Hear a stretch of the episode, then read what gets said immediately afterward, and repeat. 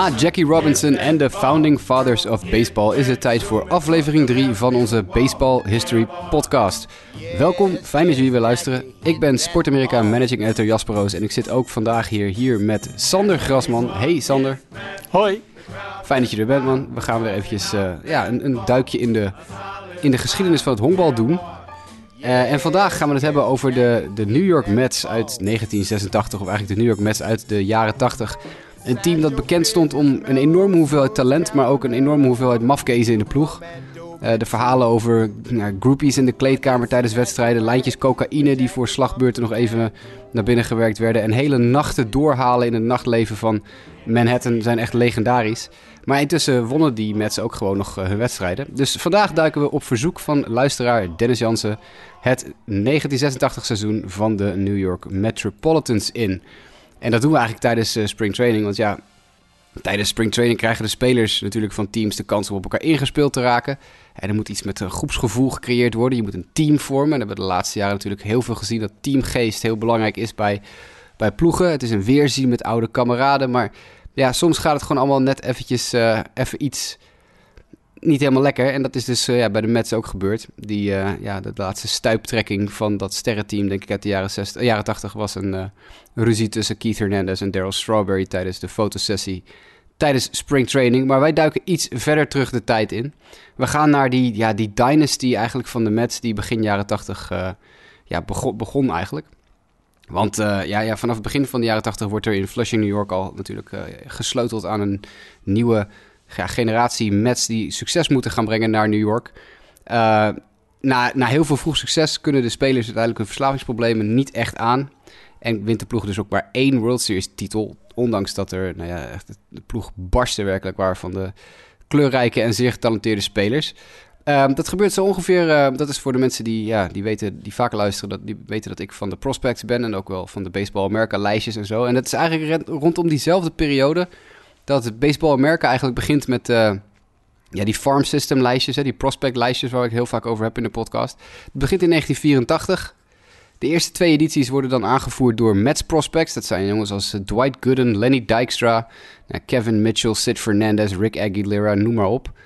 En uh, ja, dat is uiteindelijk groeien die jongens ook uit dan tot de kern die ja, die World Series titel wint. En ik denk, Sander, dat we het daar maar even moeten, moeten gaan oppakken. Hè. Die, die legendarische selectie, die super getalenteerde selectie van, van de Mets... die eigenlijk aangevoerd worden, denk ik, door Daryl Strawberry en, en werper Ron Darling. Misschien nu wel bekend van de Mets televisie broadcast. Uh, ja, dat, uh, dat klopt, want uh, het lijstje dat jij net noemde... de spelers op wie die lijstjes van Baseball America in 84 en 85 gebaseerd waren. Dat was, dat waren, uh, uit die rangen waren Strawberry en Darling eigenlijk al het jaar daarvoor overgegeven naar de majors. Dus dat, die uh, lijstaanvoering ging zelfs zonder Strawberry en Darling. En zeker Strawberry was, ja, ik denk dat we die wel het grootste talent van de hele selectie mogen noemen. Die kwam al met uh, veel bombardie werd hij binnengehaald. Uh, in 1980 hadden de Mets zo, uh, niet minder dan drie uh, picks in de eerste ronde.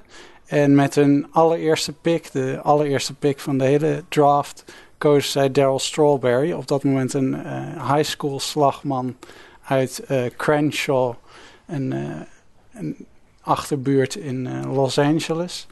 Waar hij furore had gemaakt met een met zijn high school team, waar hij zelfs de staatsfinale haalde. En daar verloren ze echter uh, de, van een zeer rijke selectie uh, uit een ander deel van Californië, waar John Elway nog de pitcher was. En die finale moet een beetje eruit hebben gezien als een, zo'n film zoals we die wel kennen, als de, de Bad News Bears en de, de Mighty Ducks, wat zijn het allemaal? Dat een, een uh, zootje ongeregeld uh, tegen alle verwachtingen in de finale haalt van zo'n uh, staatskampioenschap. En dan het opneemt tegen de rijke luiszoontjes en de verwende nesten. Alleen in dit geval delfden zij het onderspit, want John Elway gooide een bijna perfecte wedstrijd en hield Strawberry en zijn vrienden aan een kort lijntje. Maar Strawberry's naam was wel gemaakt. Hij werd als eerste pick gekozen en werd eigenlijk vanaf dat moment gezien als het gezicht van de franchise. De beste slagman. Hij werd vergeleken met Willie Mays. Zijn lange, ranke figuur deed ook veel mensen denken aan Ted Williams. En mensen konden, twijfelden niet aan dat hij een grote ster zou worden... en dat hij de, de Mets ook heel veel succes zou gaan brengen. Ik moest wel even lachen dat je net zei Daryl Strawberry en iets met kort lijntje. Dat is, ja, ik denk dat dat een Freudiaans versprekingje was voor later. Ja, de, ja, hij was zeker niet de enige met de korte lijntjes.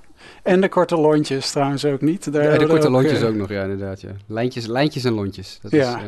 Nou ja, goed, ja, je ziet dat team, dat, dat, zit dan, uh, dat wordt een beetje volgepompt hè, met, met, met sterren als, uh, als ja, jonge gasten als, als Strawberry en Ron Darling. Er worden dan nog wat veteranen aan toegevoegd. Hè. George Foster, bekend nog van de Big Red Machine in Cincinnati. Keith Fernandez kenden we al, de man met de snor uit de beroemde Seinfeld-episode. Nou, catcher Gary Carter zit er nog bij. Snelheidsduivels Wally Backman en Mookie Wilson. Wally Backman is die, dat weten misschien mensen nog wel, een paar jaar geleden ging er zo'n filmpje viral uh, van een minor league manager die helemaal uit zijn dak ging en met honken gooide en een honk meenam naar de kant toen hij uit het veld gestuurd was noem maar op. Nou, dat was Wally Backman. en dat is, ja, vrij legendarisch figuur. Het korte lontje is blijkbaar nog steeds niet, niet heel erg lang. Maar laten we inderdaad beginnen even met, met of verder gaan met, met Strawberry.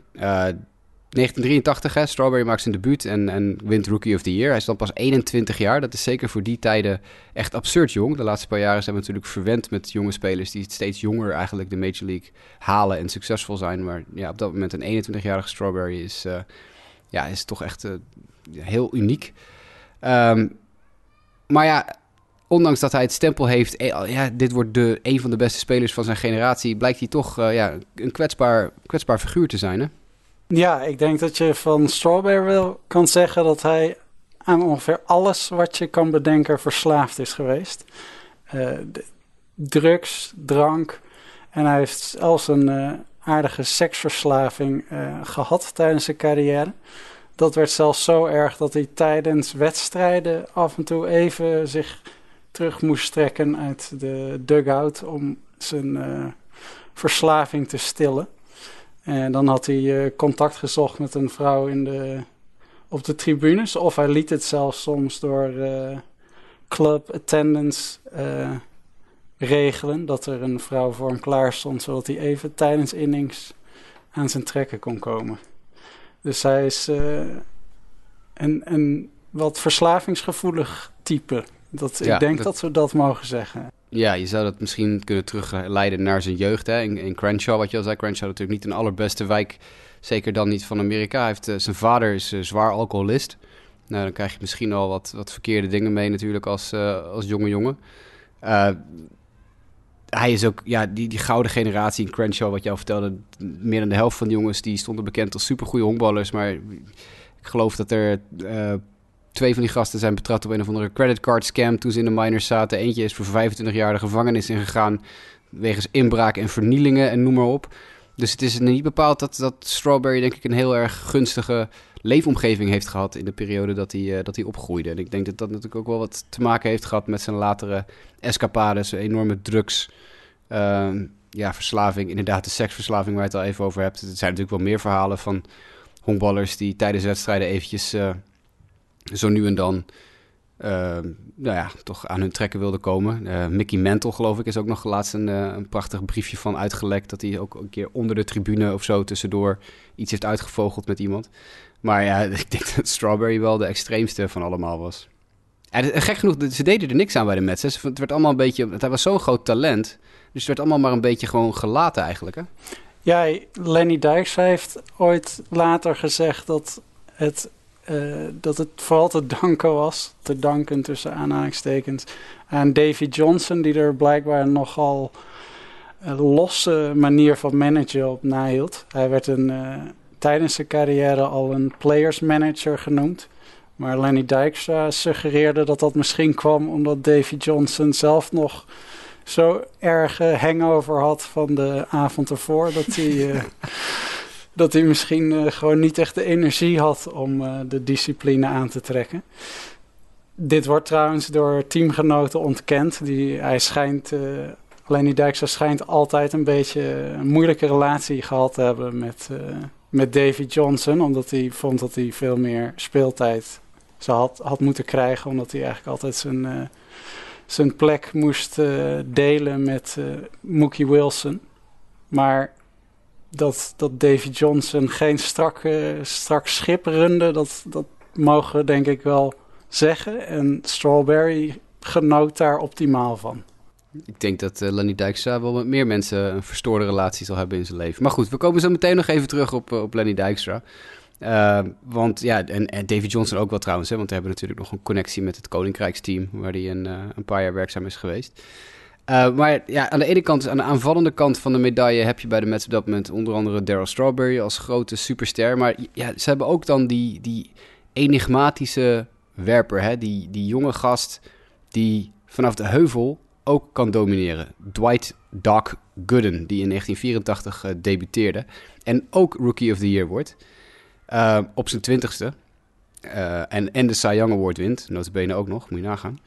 Maar ook voor hem, en misschien is dat ook, heeft dat te maken, misschien kan je daar ook iets meer over zeggen, die, die omgeving waarin hij zich, zit, in, zich bevindt op dat moment. Hè? Dat, een team waar Strawberry aan de drugs is en Dijkstra aan de drugs is, enzovoort, enzovoort. Nou, dat gebeurt eigenlijk ook een beetje dan uh, met Dwight Gooden. Ja, Dwight Gooden is ja, al op zijn negentiende, denk ik, de beste pitcher in de, de major leagues, of in ieder geval in de top drie. En hij is gewoon ongelooflijk goed. Iedereen denkt, deze man gaat de komende 15 jaar domineren. Alle ranglijstjes aanvoeren. Hij, hij gooit strikeouts. Hij breekt records. Hij is de rookie met de meeste strikeouts. Hij is Cy Young, unaniem zelfs, op zijn uh, twintigste. En nou ja, de, de, de, de, de hemel uh, lijkt hij te kunnen gaan bestijgen met, uh, met zijn uh, kwaliteiten. Alleen zijn, zijn discipline en zijn persoonlijkheid blijken kwetsbaarder. hij is iemand die graag op stap gaat tijdens dat seizoen. En omdat ze succesvol zijn, hebben ze ook veel vrienden. En nou het uitgaans, uitgaansleven van New York biedt vele verleidingen. En zo ontdekt hij ook een uh, liefde op het eerste gezicht voor cocaïne, zoals hij het zelf noemt. Uh, dat zou zijn geweest in dat uh, jaar 86, waar ze de World Series uiteindelijk gaan winnen. Wordt hem dat aangeboden tijdens een avondje stappen. En nou ja, hij kan meteen niet meer zonder. Hij mist ook de ticker tape parade van de, na de, de World Series overwinning. Omdat hij op dat moment drugs aan het scoren is in, op Long Island. Hij is daar in een project terechtgekomen. En zit thuis op de bank bij een drugsdealer die hij verder niet kent. Alleen dat hij weet dat hij bij hem aan drugs kan komen. Te kijken hoe zijn teamgenoten door New York de ticker tape parade uh, vieren. Ja, hij beschrijft het ook in zijn memoires. Hè. Een paar jaar geleden heeft hij een, uh, een biografie uitge autobiografie uitgebracht. En daarin beschrijft hij precies dat verhaal ook. Dat is, hij kijkt naar de televisie op dat moment en hij ziet die parade. En hij ziet een klein jochie met een groot zelfgemaakt spandoek staan waarop staat We Love You Doc. En uh, ja, terwijl hij dus, terwijl zijn hele team die ticker tape parade doorgaat, schrijft hij in zijn, uh, in zijn memoires. Um, I was alone in my bed in, New, uh, in Roslyn, Long Island, with the curtains closed and the TV on, missing what could have been the greatest morning of my life. I'd spent all night getting wasted with a bunch of people I hardly knew. I was drinking shots of vodka. I was snorting lines of cocaine, and more lines of cocaine, and more lines of cocaine. I didn't leave the party until the sun came up. I've never felt so lonely in my life before. Kortom, ja, uh, als je natuurlijk al je, je, je ticker tape parade mist als je net uh, World Series hebt gewonnen uh, vanwege je drugverslaving, dan kan je wel denk ik stellen dat het een behoorlijk stevige was. Ja, hij worstelt er eigenlijk volgens mij zelfs tot op de dag van vandaag mee. Al zijn daar de informatie die ik daarover kan vinden nogal wispelturig. Maar hij heeft er in ieder geval ook een paar jaar geleden nog flinke ruzie mee gehad, uh, over gehad met Strawberry. Strawberry is namelijk tegenwoordig een born-again Christian die uh, drugsverslaafden begeleidt bij hun rehab. En hij herkent in Gooden nog steeds de, de trekken van een verslaafde. En gelooft, hij gelooft er in ieder geval niet veel van dat Gooden uh, de, de drugs wel heeft gezegd. Maar dat uh, leverde wel een paar uh, nou ja, verhitte uitspraken over en weer in de media op. Dus de twee die ooit zo goed bevriend waren, hebben intussen niet zoveel contact meer. Toch heeft Gooden nog wel in de jaren 90 een korte opleving gehad. Uh, in de eind jaren 80, begin jaren 90 was het eigenlijk niet zoveel meer. Hij ging meermaals, uh, moest hij uh, rehab in. Maar in de, in de tweede helft van de jaren 90 keert hij terug bij de Yankees, of gaat hij naar de Yankees. steekt hij dus New York door. En daar komt hij in een, nog weer een enorm sterke selectie terecht. En notabene op de dag dat zijn vader komt te overlijden, gooit hij een no-hitter. Uh, het is het laatste wat zijn vader gezien heeft op, de televisies, op het televisieschermpje in het ziekenhuis, dat zijn, zijn zoon een no-hitter gooit. Maar de, de, het verlies van zijn vader heeft daarna hem toch ook weer heel veel pijn gedaan. En ja, hij bleek toch ook daarna weer heel kwetsbaar te zijn. En hij heeft daarna niet zo heel veel meer gepresteerd in zijn carrière. Nee, dat is toch ja, eigenlijk weer ja, een van die verhalen uit de, uit de Major League geschiedenis waar je heel treurig van wordt eigenlijk. Iemand met zo ontzettend veel talent die in een team terechtkomt zoals dat ooit beschreven werd uh, op de Daily Beast. A gang of drunks, pillpoppers, barroom brawlers, degenerate gamblers, womanizers en arrogant blowhards. Nou ja, goed, dat is natuurlijk niet een ideale situatie voor een 19-jarige jongen die uh, niet zo goed weet hoe de wereld in elkaar zit. Um, een van die blowhards en, en degenerate gamblers en barroom brawlers was, was Lenny Dijkstra. Ik noemde hem net al eventjes. Maar Lenny Dijkstra is inmiddels ook uitgegroeid tot, uh, ik denk, volksmaloot nummer 1 in, ja, in, de, in de honkbalwereld. Die, hij is net volgens mij vorig jaar weer gearresteerd voor het vechten met een Uber-chauffeur of het, het, bedreigen van een Uber-chauffeur of zo, terwijl hij hartstikke dronken uit een of andere bar kwam rollen. Uh, Lenny Dijkstra was, denk ik, als ik terugdenk aan mijn tijd van die periode honkbal kijken, toen hij bij de Phillies zat vooral, dat is de periode kort na de Mets, dat hij, uh, ja, als je die interviews met Lenny Dijkstra uit de Phillies-periode ziet, dat het enige wat je ziet is iemand die stijf staat van de drugs. Echt stijf van de steroïden, stijf van de coke, ogen die alle kanten opschieten, uh, uh, verwilderde blik uh, op zijn gezicht. Ik denk dat Lenny Dijkstra een van de meest gestoorde honkballers is die ik ooit, ooit heb zien spelen. Um, komt uiteindelijk bij de, bij de Mets binnen in, in 1981 al. niet echt een toptalent. Maar ja, ontwikkelt zich al heel snel tot een ster. En, en, en zijn natuurlijk enorme, ja, je zou bijna zeggen charisma, maar outgoing manier van omgaan met, uh, met mensen. En ja, de pers vreet hem op natuurlijk, want dat vinden ze hilarisch. Hij is super fanatiek. En, uh, en uiteindelijk haalt hij dan in 1985 de, de Major League. Maar ja, jeetje, want die Dijkstra, wat een, wat een, ja, wat een maloot. Uh, ja, als je, als je nu ook nog interviews met hem ziet, dan komt hij ook niet echt al te weldenkend over. Hij uh, heeft enorme financiële problemen gehad. Dat, uh, dat gat probeert hij nu uh, te dekken door een zeer controversiële autobiografie uit te brengen. Waarin hij ons allemaal uit de doeken doet wat er gebeurd is in die, in die begintijd en in, in de tijd daarna. Want hij, is, hij komt voor in het Mitchell Report en destijds wilde hij er niet aan meewerken, maar intussen om boeken te verkopen is hij daar uh, zeer ruiterlijk over. Dat hij toch echt wel heel wat steroïden heeft gebruikt. Nou, kijk naar een foto van hem in, in een Mets-uniform en in het uh, tenue van de, de Phillies later. En het is al vrijwel, vrij snel duidelijk.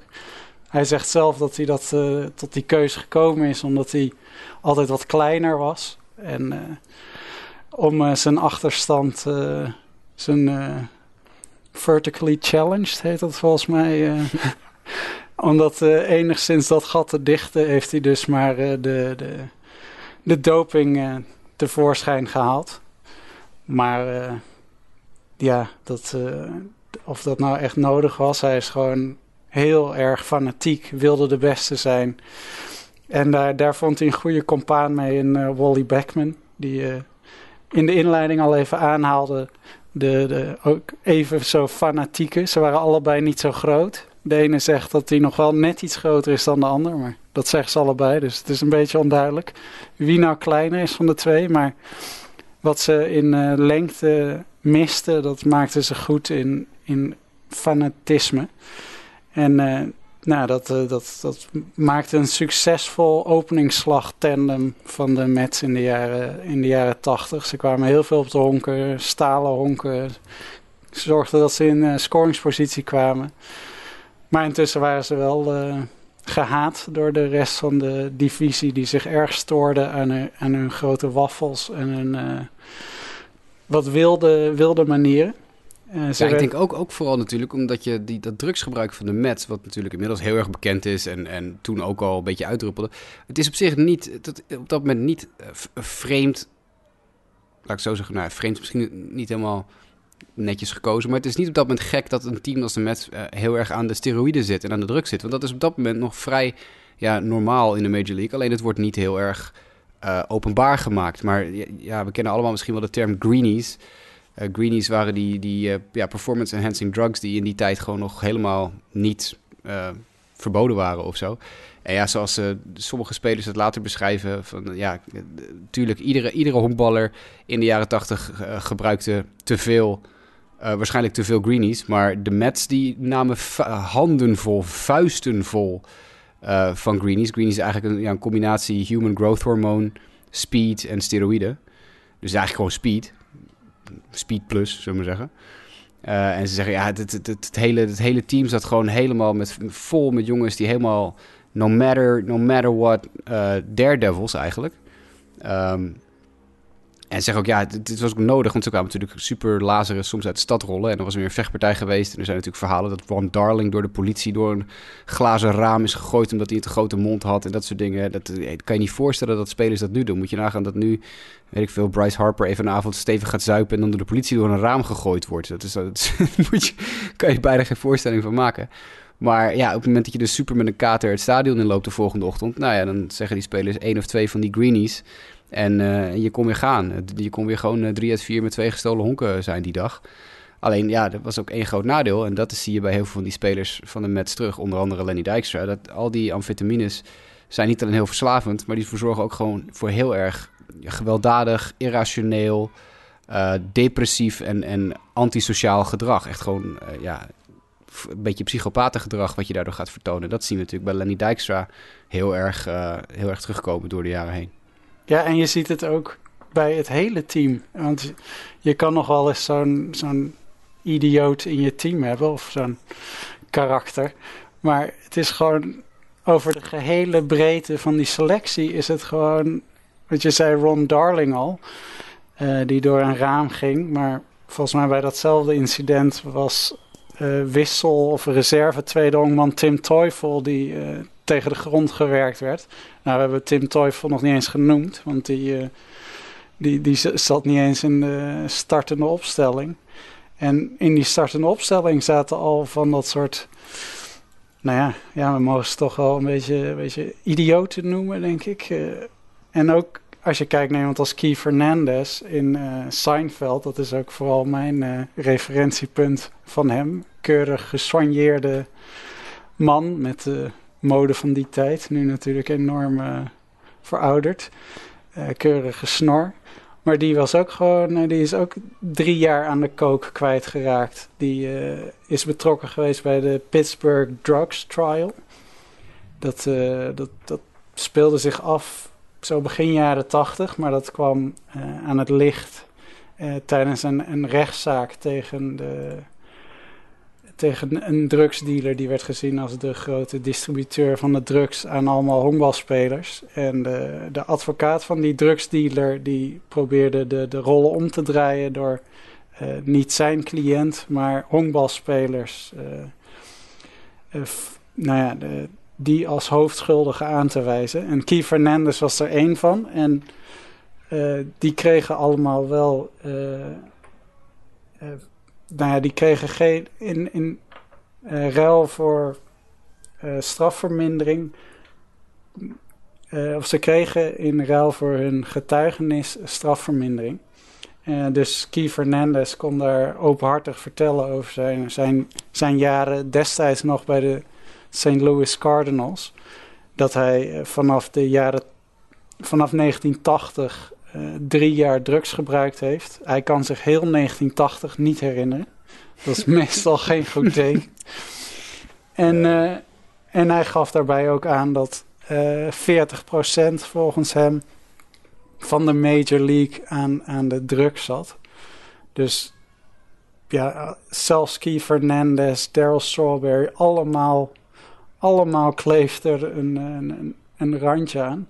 En wat ik trouwens ook nog wel een grappig feitje vond bij die Pittsburgh Drug Trials, is dat uh, de mascotte van de club, de Pirate Parrot heet hij, uh, dat die uiteindelijk als een van de hoofdverdachten als uh, drugsdealers is aangehouden. De persoon die daarin zat bleek de grootste uitdeler van drugs te zijn. Die nam het allemaal mee naar het stadion en gaf het dan aan de spelers. Dus dat was wel ja, ik, ik, weet niet of ze hem in kostuum gearresteerd hebben, maar ik denk dat dat een uh, grappig uh, tafereel moet zijn geweest. Uh, hoe de, de, de papegaai in handboeien afgevoerd werd als grote drugsdealer. Maar dus het, die hele selectie zit vol met, met drugsgebruikers. nou ja, Lenny Dijkstra stond ook bekend als rokkenjager en ja, het is, het is een grote verzameling mafketels bij elkaar, wat gewoon niet goed kan gaan.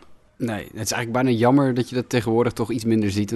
Achteraf, kijk, het is natuurlijk helemaal niet, niet grappig en gezond. Bedoel, als je terugkijkt naar wat die jongens allemaal misbruikten aan drank en drugs en, en roken en uh, de, de, de wetten die ze braken, hoe vaak die jongens gearresteerd zijn. Daryl Strawberry die is alleen al weet ik hoe vaak gearresteerd voor het mishandelen van zijn verloofde.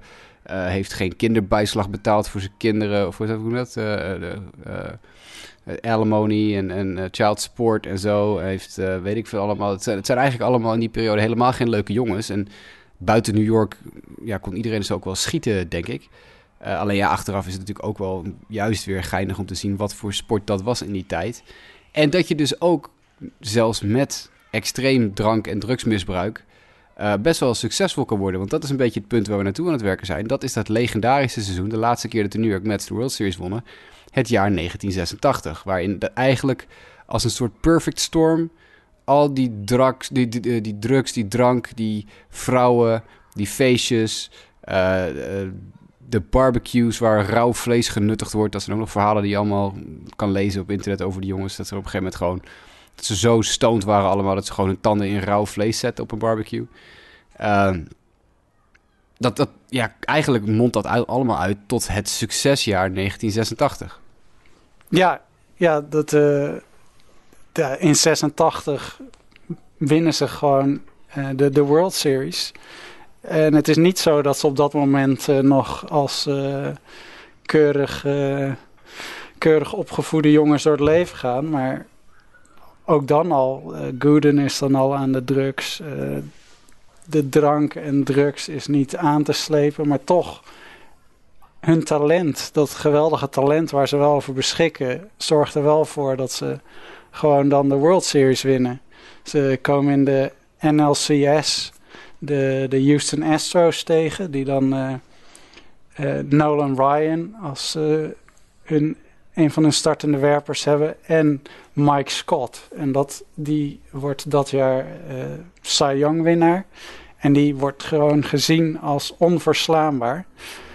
En ja, dat is gewoon ook weer een ijzersterke ploeg. Maar zij winnen daar wel van. Ze, ze komen 3-2 voor in die series.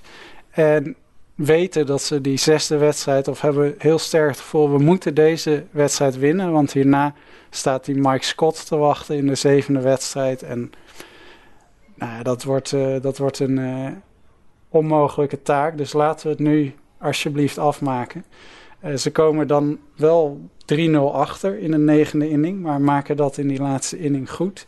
En uiteindelijk wordt het een, een nagelbijter die 16 innings duurt. Maar uiteindelijk trekken ze in dan wel aan het langste eind ontlopen Mike Scott. En winnen dus de NLCS en kunnen zich opmaken voor de World Series waarin de Boston Red Sox wachten.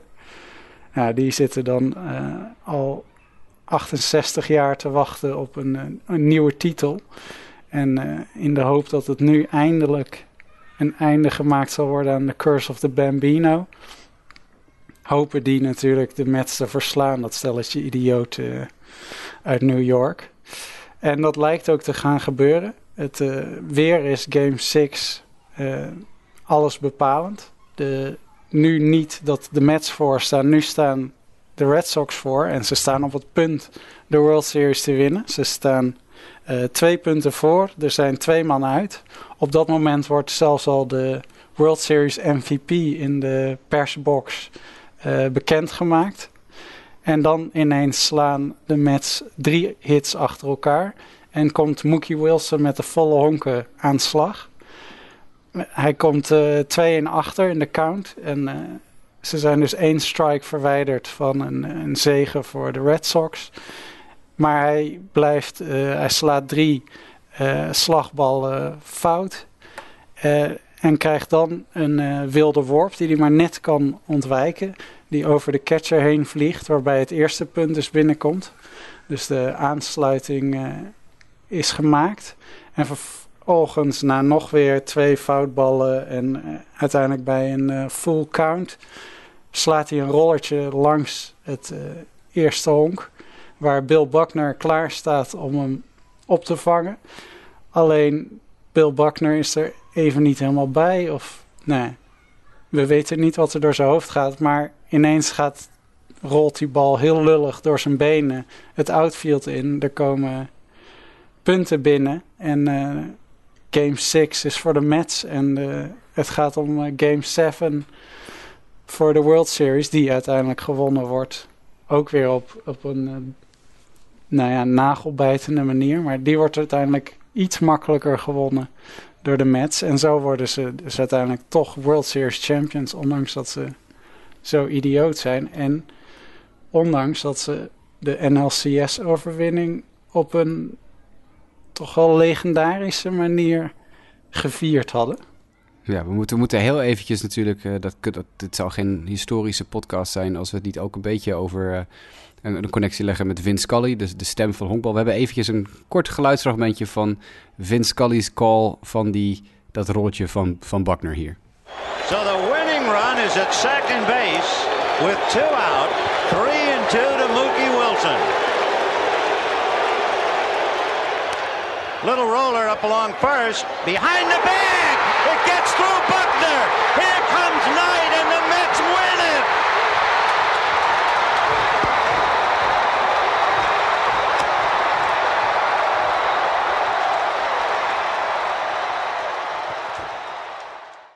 Ja, blijft, blijft een legendarisch moment. Hè? Dat is, dat is, ik denk dat we het al honderdduizend keer gehoord hebben. Maar als je die stem van Scully dat toch iedere keer hoort zeggen weer.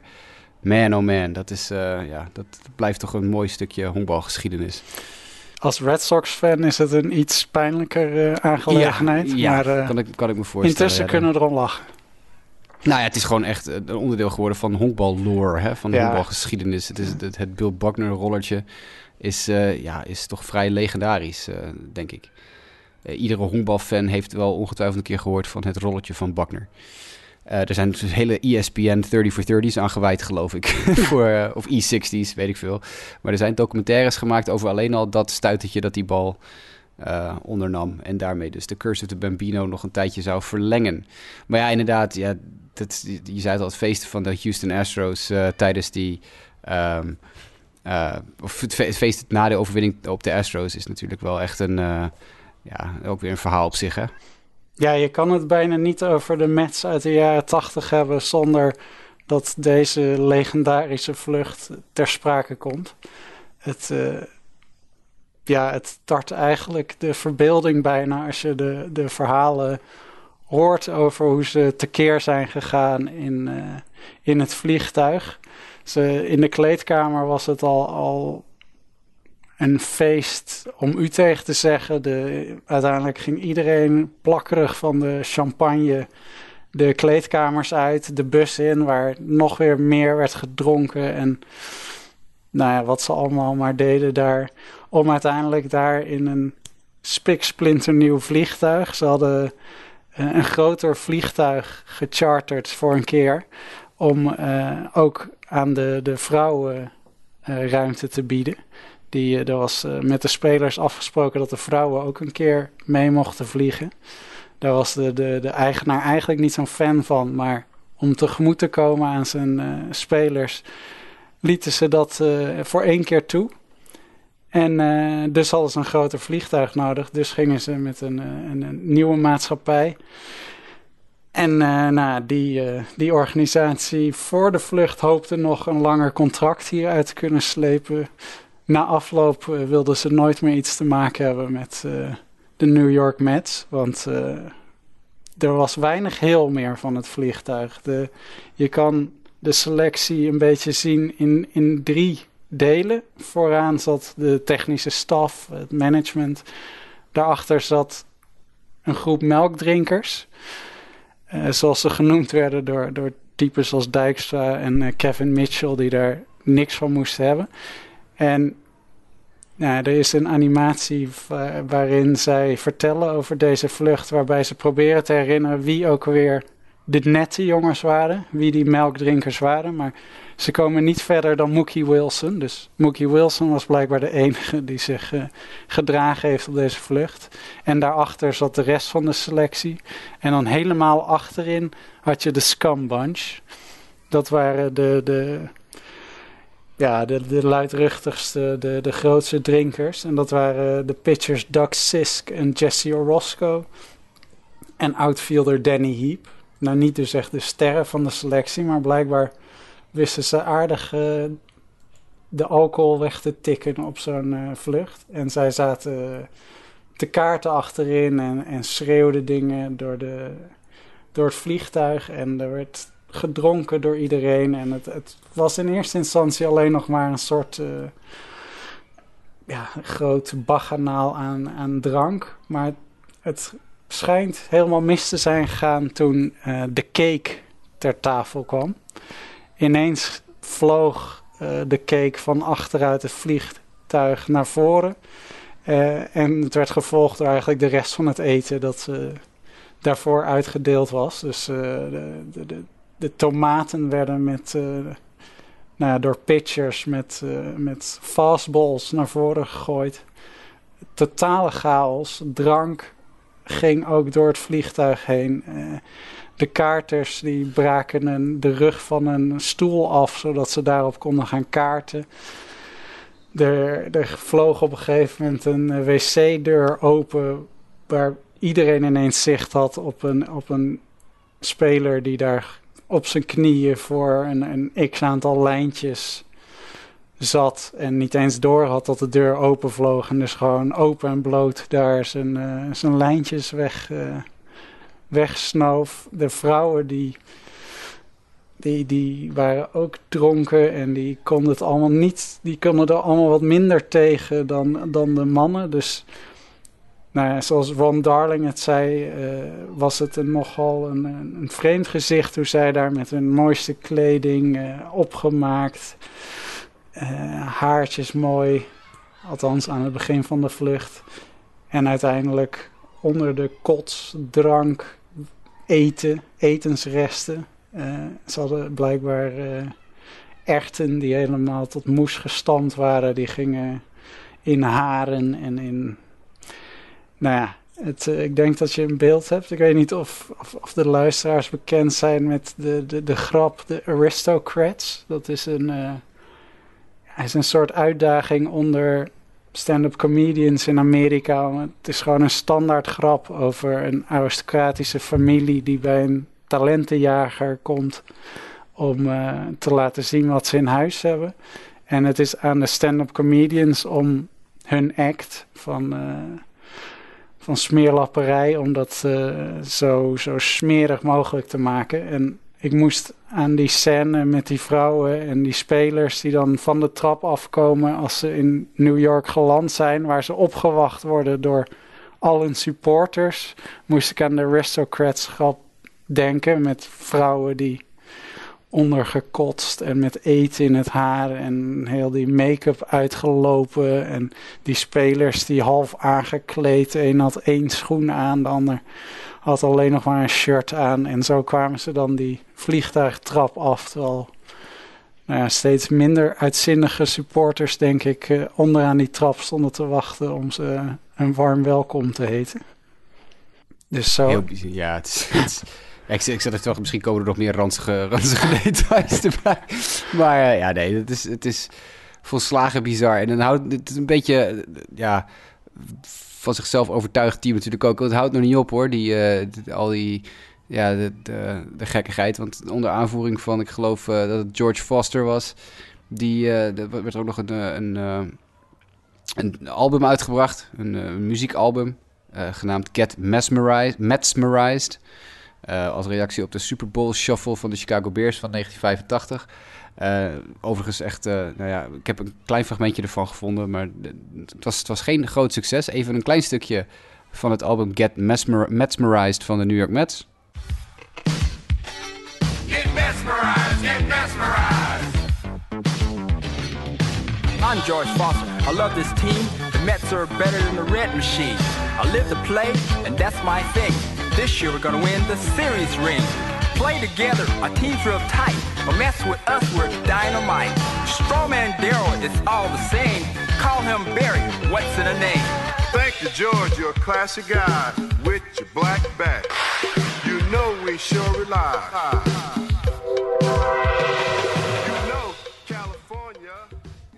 Nou, Sander, heb je enig idee hoeveel uh, exemplaren er van dit album verkocht zijn? Ja, ik weet niet hoe groot de familie van George Foster is, maar ik denk daarbuiten weet ik niet hoeveel mensen hem gekocht hebben. Nou, er zijn iets meer dan 100 exemplaren verkocht uh, in de geschiedenis van, uh, van Get Mesmerized. Dus ja, dat zal inderdaad George Foster's een hele familie zijn. Ze waren ook niet zo blij met Foster, want die, uh, ik geloof dat ze hem in augustus al van het team verwijderd hadden. Voordat het album uitkwam was hij alweer, was hij alweer pleiten. Maar uh, ja, goed. Dit was, dit was denk ik een team. Ja, een beetje megalomaan, groter, larger than life.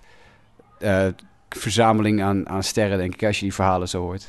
Ja, en vooral ook als je dan bedenkt hoe jong die ploeg was. Het is natuurlijk ook uh, jeugdige bravoure misschien deels geweest. Maar deze ploeg had zoveel kunnen bereiken. Dat leek zo op weg naar zo'n dat moest gewoon een dynasty worden met zoveel jonge spelers.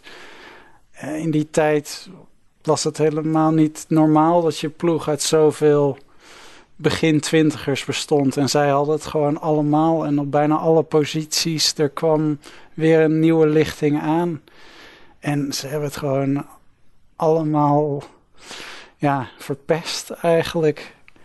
En, en het is allemaal niet geworden wat het had kunnen zijn. Maar ja, toch zijn er heel veel teams, heel veel hele goede teams die nooit een World Series hebben gewonnen. En dat hebben, heeft deze groep toch maar wel mooi gepresteerd. Dus wat dat betreft uh, kunnen ze daar altijd op steunen. Ja, aan de ene kant is het jammer, denk ik, dat dit team niet meer heeft kunnen doen met hun talent. Aan de andere kant is dit wel een verhaal op zich, denk ik, dit team. dus de honkbalgeschiedenis is er ook wel een beetje rijker van geworden dat dit team bestaan heeft, denk ik. Ja, het is, uh, het is absoluut uh, een, een, kleurrijk team geweest met, met vele anekdotes. En misschien wel veel meer anekdotes dan als ze keurig netjes geleefd hadden en uh, drie, vier keer de World Series hadden gewonnen. Dit is, ja, dit is een soort honkbalfolklore, denk ik, geworden. En, en daarmee een legendarisch team geworden.